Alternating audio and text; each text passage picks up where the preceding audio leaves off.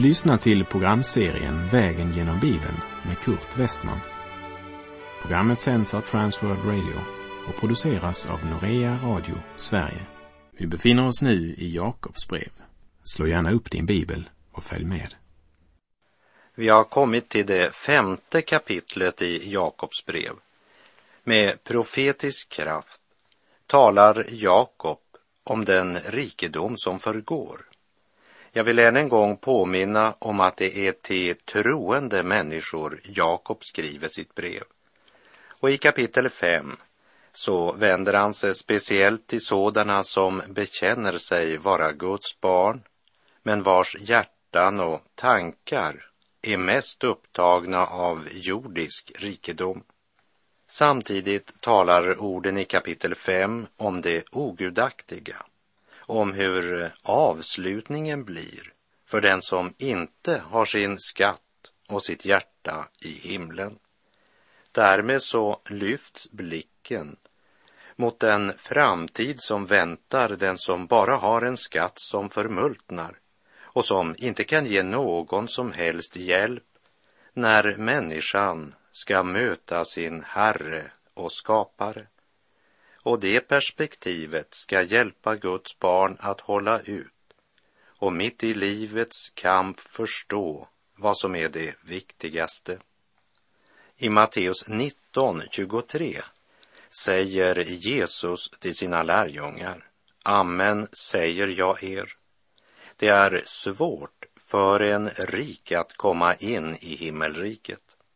Ja, Jesus går så långt att han säger, det är lättare för en kamel att komma in genom ett nålöga än för en rik man att komma in i Guds rike. Guds ord uppenbarar för oss att i den lycka som jordisk rikdom erbjuder finns olyckan inbyggd.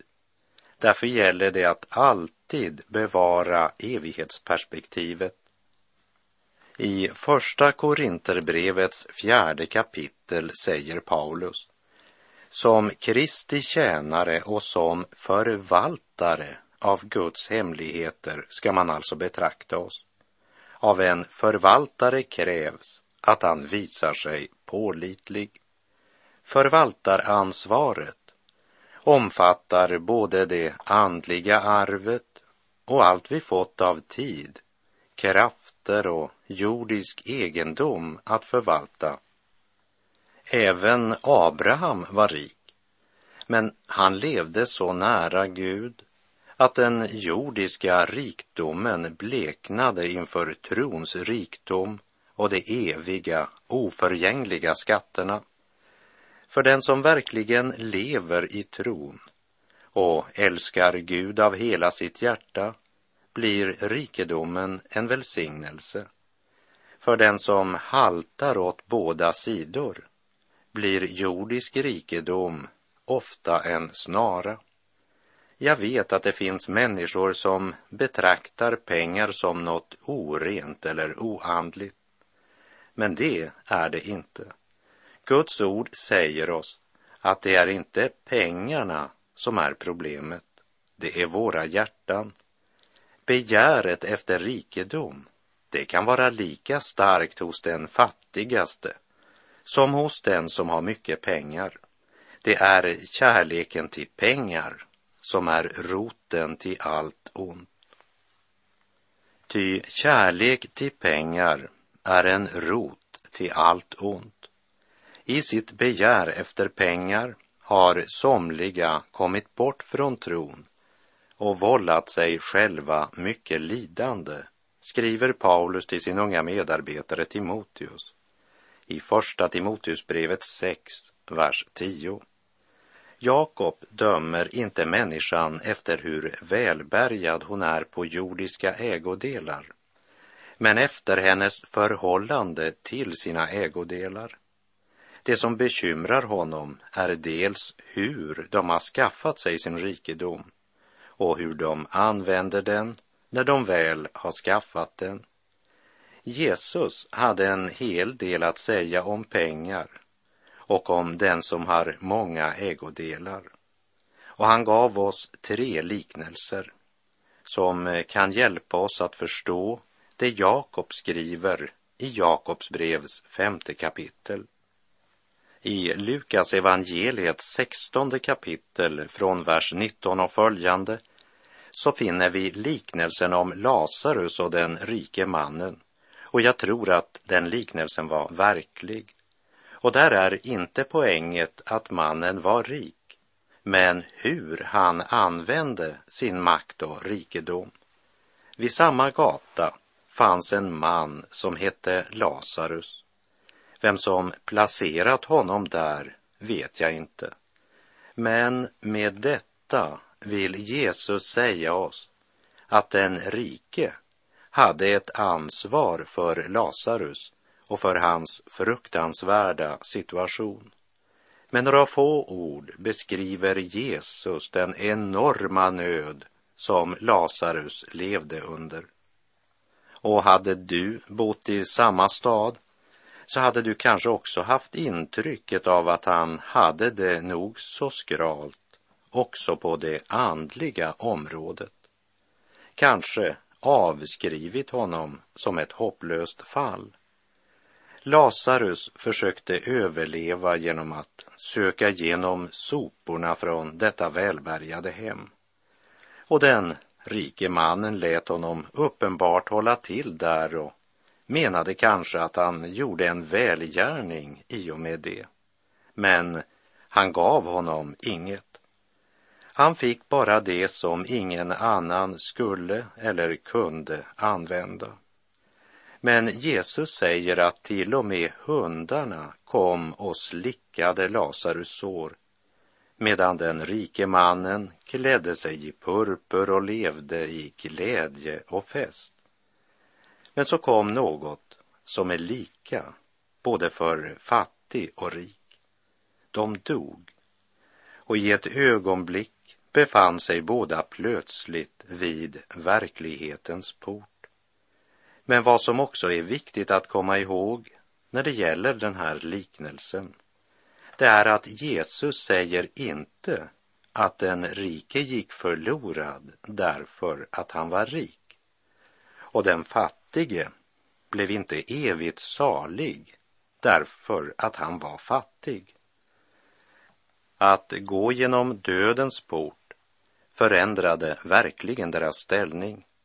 Men det var en konsekvens av vad som bodde i dessa mäns hjärtan medan de levde. Och därför ligger det Jesus på hjärtat att säga oss att vi ska inte tro att vi kan bedöma förhållandet bara efter den yttre synliga fasaden. För Gud ser till hjärtat. Det är bestämt om människan att hon en gång ska dö och sedan dömas, säger Hebreerbrevets nionde kapitel.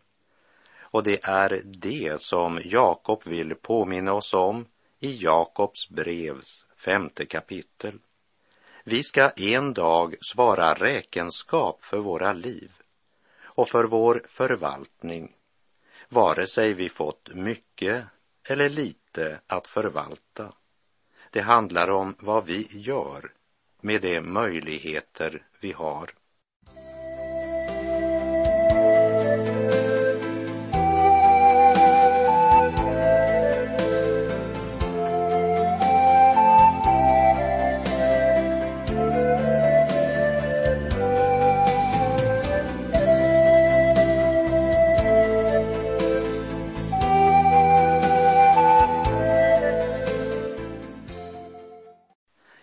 Lukas 12 så berättar Jesus en annan liknelse om en rik man. Den mannen, han ville bygga större logar. Det var i alla fall planen. Men han dog plötsligt innan han hunnit bygga upp de nya stora logarna. Jesus fördömde inte mannen för att han var en duktig bonde som hade lyckats bra, utan konstaterar bara faktum. Mannen var rik och i det yttre en ärlig och god medborgare, men det är inte nog. för hans jordiska rikdom hade blivit hans skatt. Det var inte evigheten som stod i centrum i hans hjärta. Därför kallar Jesus honom för en dåre. Han var självisk och han var bara upptagen av att få ännu mer. Man måste se om sitt hus, som han gärna uttryckte det. Han dolde girigheten bakom ord som flit och ansvar. Men girighet är avgudsdyrkan. Girighet är synd. I Lukas 12, 15 säger Jesus Se till att ni aktar er för all slags girighet. Ty en människas liv består inte i att hon har överflöd på ägodelar. Den tredje liknelsen som berättar angående rikedom, det är liknelsen om den oärlige förvaltaren som förskingrade sin herres egendom. I denna liknelse ger Jesus ett exempel på en man som lever efter denna världens principer. Och Guds ord säger oss att världen älskar sina egna, men hatar dem som tillhör Gud. Johannes första brev kapitel 2, vers 15 säger Älska inte världen och inte det som finns i världen. Om någon älskar världen finns inte Faderns kärlek i honom. I världen så gäller det först och främst att se om sitt eget hus. Och den ohederlige förvaltaren lever efter det mönstret och han lever gott och bekymmerslöst. För han glömde att det skulle komma en dag då hans herre skulle kräva honom till svars för hur han förvaltat sin herres egendom. Och i den stund då han minst hade väntat det så kom hans herre och ställde honom till svars. Gud håller människan ansvarig både för hur hon skaffat sig sin rikedom och hur hon använder den. Men varför börjar Jakob plötsligt i kapitel 5 att tala om ogudaktiga och rika när han skriver till de troende? För vi ska komma ihåg att det är troende han talar till. Därför att även de som är troende som lever mitt i denna ogudaktiga värld och deras tankegång kan lätt smittas av denna värld och dess sätt att tänka och handla. Jesus hade ju sagt till sina lärjungar, i världen får ni lida, men var vid gott mod, jag har övervunnit världen, som det står i Johannes 16, vers 33. Den gudfruktige förmanas och uppmuntras att vara tålmodig och uthållig under de förhållanden som råder i denna syndens värld. I vissheten om att dessa ogudaktiga, som inte bara skaffat sig rikedomen på orätt sätt, men också använt rikedomen på ett ogudaktigt sätt, de kommer Gud att döma om inte förr, så ska de stå till svars inför evigheten. Ty syndens lön är döden, men Guds gåva är evigt liv i Kristus Jesus vår Herre. Det kan ibland vara en anfäktelse för tron att det verkar gå så otroligt bra för många ogudaktiga när deras rikedom växer och de lever i omoral och utsvävningar. Men i den 37 saltarsalmen säger David i vers 7 Var stilla inför Herren och vänta på honom. Gräm dig inte över dem som har framgång eller över den man som gör upp onda planer. Vi minns att Jakob redan i kapitel 2 och vers 6 sa Lyssna mina älskade bröder.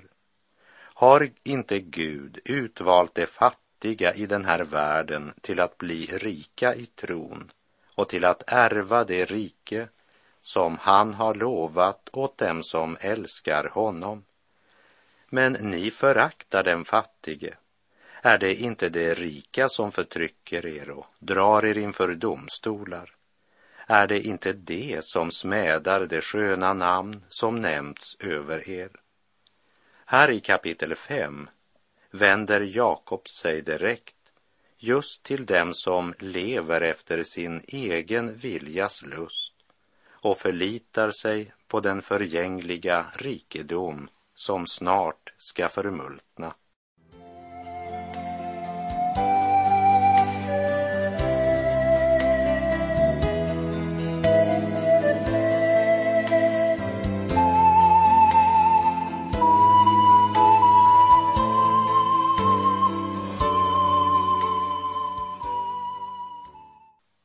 Läser i Jakobs brev kapitel 5, vers 1. Lyssna, ni som är rika. Gråt och klaga över de olyckor som ska komma över er. I ljuset av Kristi återkomst påminner Jakob om att denna världens rikedom snart ska förmultna.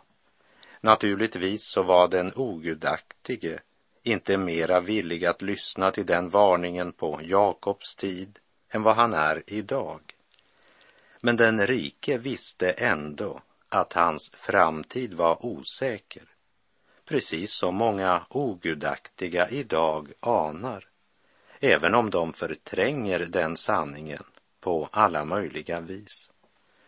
Panik på börsen är ju inget okänt och oron för en krasch har följt människan helt sedan man präglade det första myntet. Det kommer alltid att vara tider av växt och framgång och tider av nedgång och oro. Vem har väl inte i historieböckerna läst om börskraschen i USA i början på 1930-talet då miljonärer miste allt över en natt och plötsligt stod i soppkön för att få något att äta. Jakob talar nu med profetisk kraft om det som ska komma. Lyssna ni som är rika, säger han. Och så talar han om den olycka som ska komma över den som har sitt liv och sin glädje i sitt överflöd av ägodelar. Och han säger inte bara att det kan komma en dag då allt det du trodde dig äga förmultnar. Han säger att det skall komma ett sådant ögonblick. Och det kommer när du minst har väntat det. Vi läser Jakob kapitel 5, vers 2 och 3. Er rikedom ska förmultna och era kläder förtäras av mal. Ert guld och silver skall ärga och ärgen ska vittna mot er och förtära ert kött som eld. Ni har samlat skatt skatter i de sista dagarna. Jakob säger, du är väl klar över att din rikedom ska förmultna och det är därför att du kommer att förmultna. Om din rikedom inte förmultnat innan du dör så får du inte en krona med dig. Och rikedomen kan inte köpa dig fri från den dom Gud fäller över ditt liv. Gud varnar de ogudaktiga rika för att samla pengar på kistpotten. Silver och guld är som stoft inför evigheten och den som tjänat en miljon är inte tillfredsställd. Han önskar tjäna två miljoner. Att samla på rikedom är som att dricka havsvatten. Ju mera du dricker, desto törstigare blir du. Och till sist tar det livet av dig. Det som du trodde skulle trygga och säkra ditt liv. En bonde som var fritänkare och stolt över att vara förnekare, han skrev ett brev till sin lokaltidning med följande påstående. Kära herr redaktör, jag har försökt ett experiment på mina åkrar. Jag plöjde på en söndag jag sådde på en söndag och jag skördade på en söndag. Och nu, herr redaktör, vad blev resultatet? Jo, Jag har fått mera i mina logar än någon av mina religiösa grannar har nu i oktober. Redaktören var inte heller troende och han publicerade brevet i sin tidning men under brevet skrev han Gud gör inte alltid upp sitt räkenskap i oktober. Vi läser Jakob kapitel 5, vers 4. Se, den lön ni undanhållit arbetarna som skördade era åkrar, den ropar. Och skördearbetarnas rop har nått Herren Sebaots öron. Jakob anklagade rika, inte bara för att samla pengar på hög, men också för det sätt på vilket de skaffat sig rikedomen. De har utnyttjat det fattiga för att skaffa sig rikedom. I liknelsen lät den rike mannen Lazarus leva av de smulor som föll från hans välfyllda bord. Varsågod, soporna är dina. Vilket budskap det ligger i den liknelsen. Lazarus hade placerats utanför den rike mannens port därför att han hade ansvar för honom. Och Ordspråksboken 22.7 säger Den rike råder över de fattiga och låntagaren blir långivarens träl. Gud dömer den människa som blir rik på andras bekostnad och speciellt när man förtrycker Guds barn. Men många vaggas in i en falsk trygghet därför att Gud inte genast griper in. Och då glömmer man att Gud ska hålla varje människa ansvarig för sina gärningar. Därför skriver också Paulus i Romarbrevet 2, verserna 4 till och med 6. Eller föraktar du hans stora godhet, mildhet och tålamod och förstår inte att det är hans godhet som för dig till omvändelse. Genom ditt hårda och obotfärdiga hjärta samlar du på dig vrede till vredens dag, när Guds rättfärdiga dom uppenbaras. Han ska ge var och en efter hans gärningar. Om du inte är frälst så lever du på kredit och får ditt livs stora överraskning när räkningen kommer, för då är det för sent att vända om. Samla inte på dig vrede, för skulden är långt större än dina tillgångar och du kommer att krävas in till det sista öret. Nådens tid betyder inte att Gud ser mellan fingrarna med dina synder. Men det betyder att du som ännu lever har idag tid och möjlighet att vända dig till Gud. I Jesaja kapitel 55, vers 6 och 7 står det Sök Herren medan han låter sig finnas. Åkalla honom medan han är nära. Må den ogudaktige överge sin väg och den orättfärdige sina tankar och vända om till Herren, så skall han förbarma sig över honom och till vår Gud, ty han skall skänka mycken förlåtelse. Jesaja uppmanar den ogudaktige att överge sin väg och den orättfärdige att överge sina tankar och vända om till Herren. Det är något av detsamma som ligger bakom Jakobs varning till de rika som är giriga och utnyttjar andra. Vårt liv och våra handlingar kommer att vara vittnen på den stora dagen då vi står inför Herrens domstol. Och då kommer det antingen att vittna om att vi blivit omvända till Gud och levde och dog i Jesu frälsningsverk. Eller också kommer livet och gärningarna att vittna om att vi stod emot Guds kallelse och mot Guds ord och inte velat böja oss för Guds heliga vilja. Och då blir vi dömda. Inte därför att vi har syndat, men därför att vi inte lät Guds godhet och tålamod leda oss till omvändelse. Er rikedom skall förmultna och era kläder förtäras av mal. Ert guld och silver skall ärga och ärgen skall vittna mot er och förtära ert kött som eld. Ni har samlat skatter i de sista dagarna. Se den lön ni undanhållit arbetarna som skördade på era åkrar, den ropar. Och skördearbetarnas rop har nått Herren Sebaots öron. Och att ropet har nått Herrens öron var ibland svårt att förstå när det såg ut som den ogudaktige fick härja fritt och den eländige blev förtryckt utan att få någon hjälp.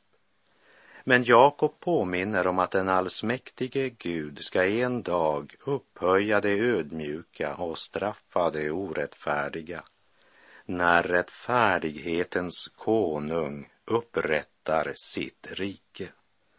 Gud har inte passivt lyssnat till alla dessa rop och det ska bli uppenbart för alla en gång.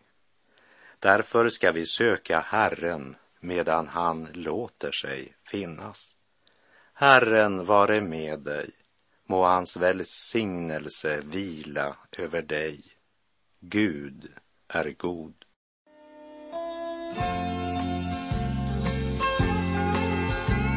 En liten fattig människa. Du föddes av din mor. För att leva några korta dagar här.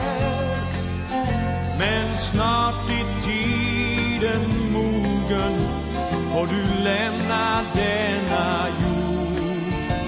Du går bort och kommer aldrig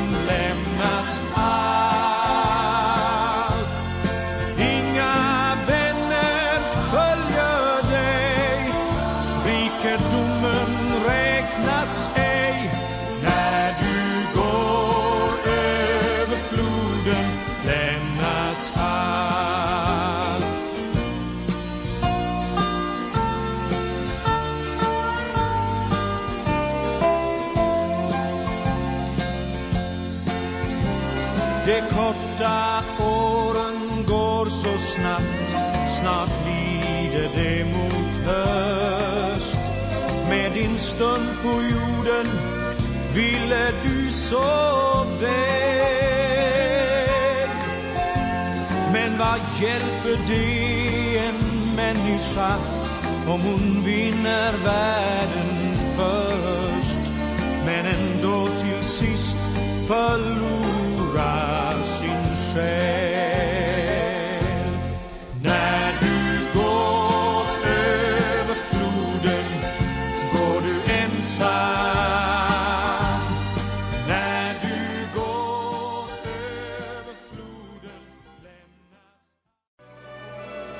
Du har lyssnat till programserien Vägen genom Bibeln med Kurt Westman som sänds av Transworld Radio.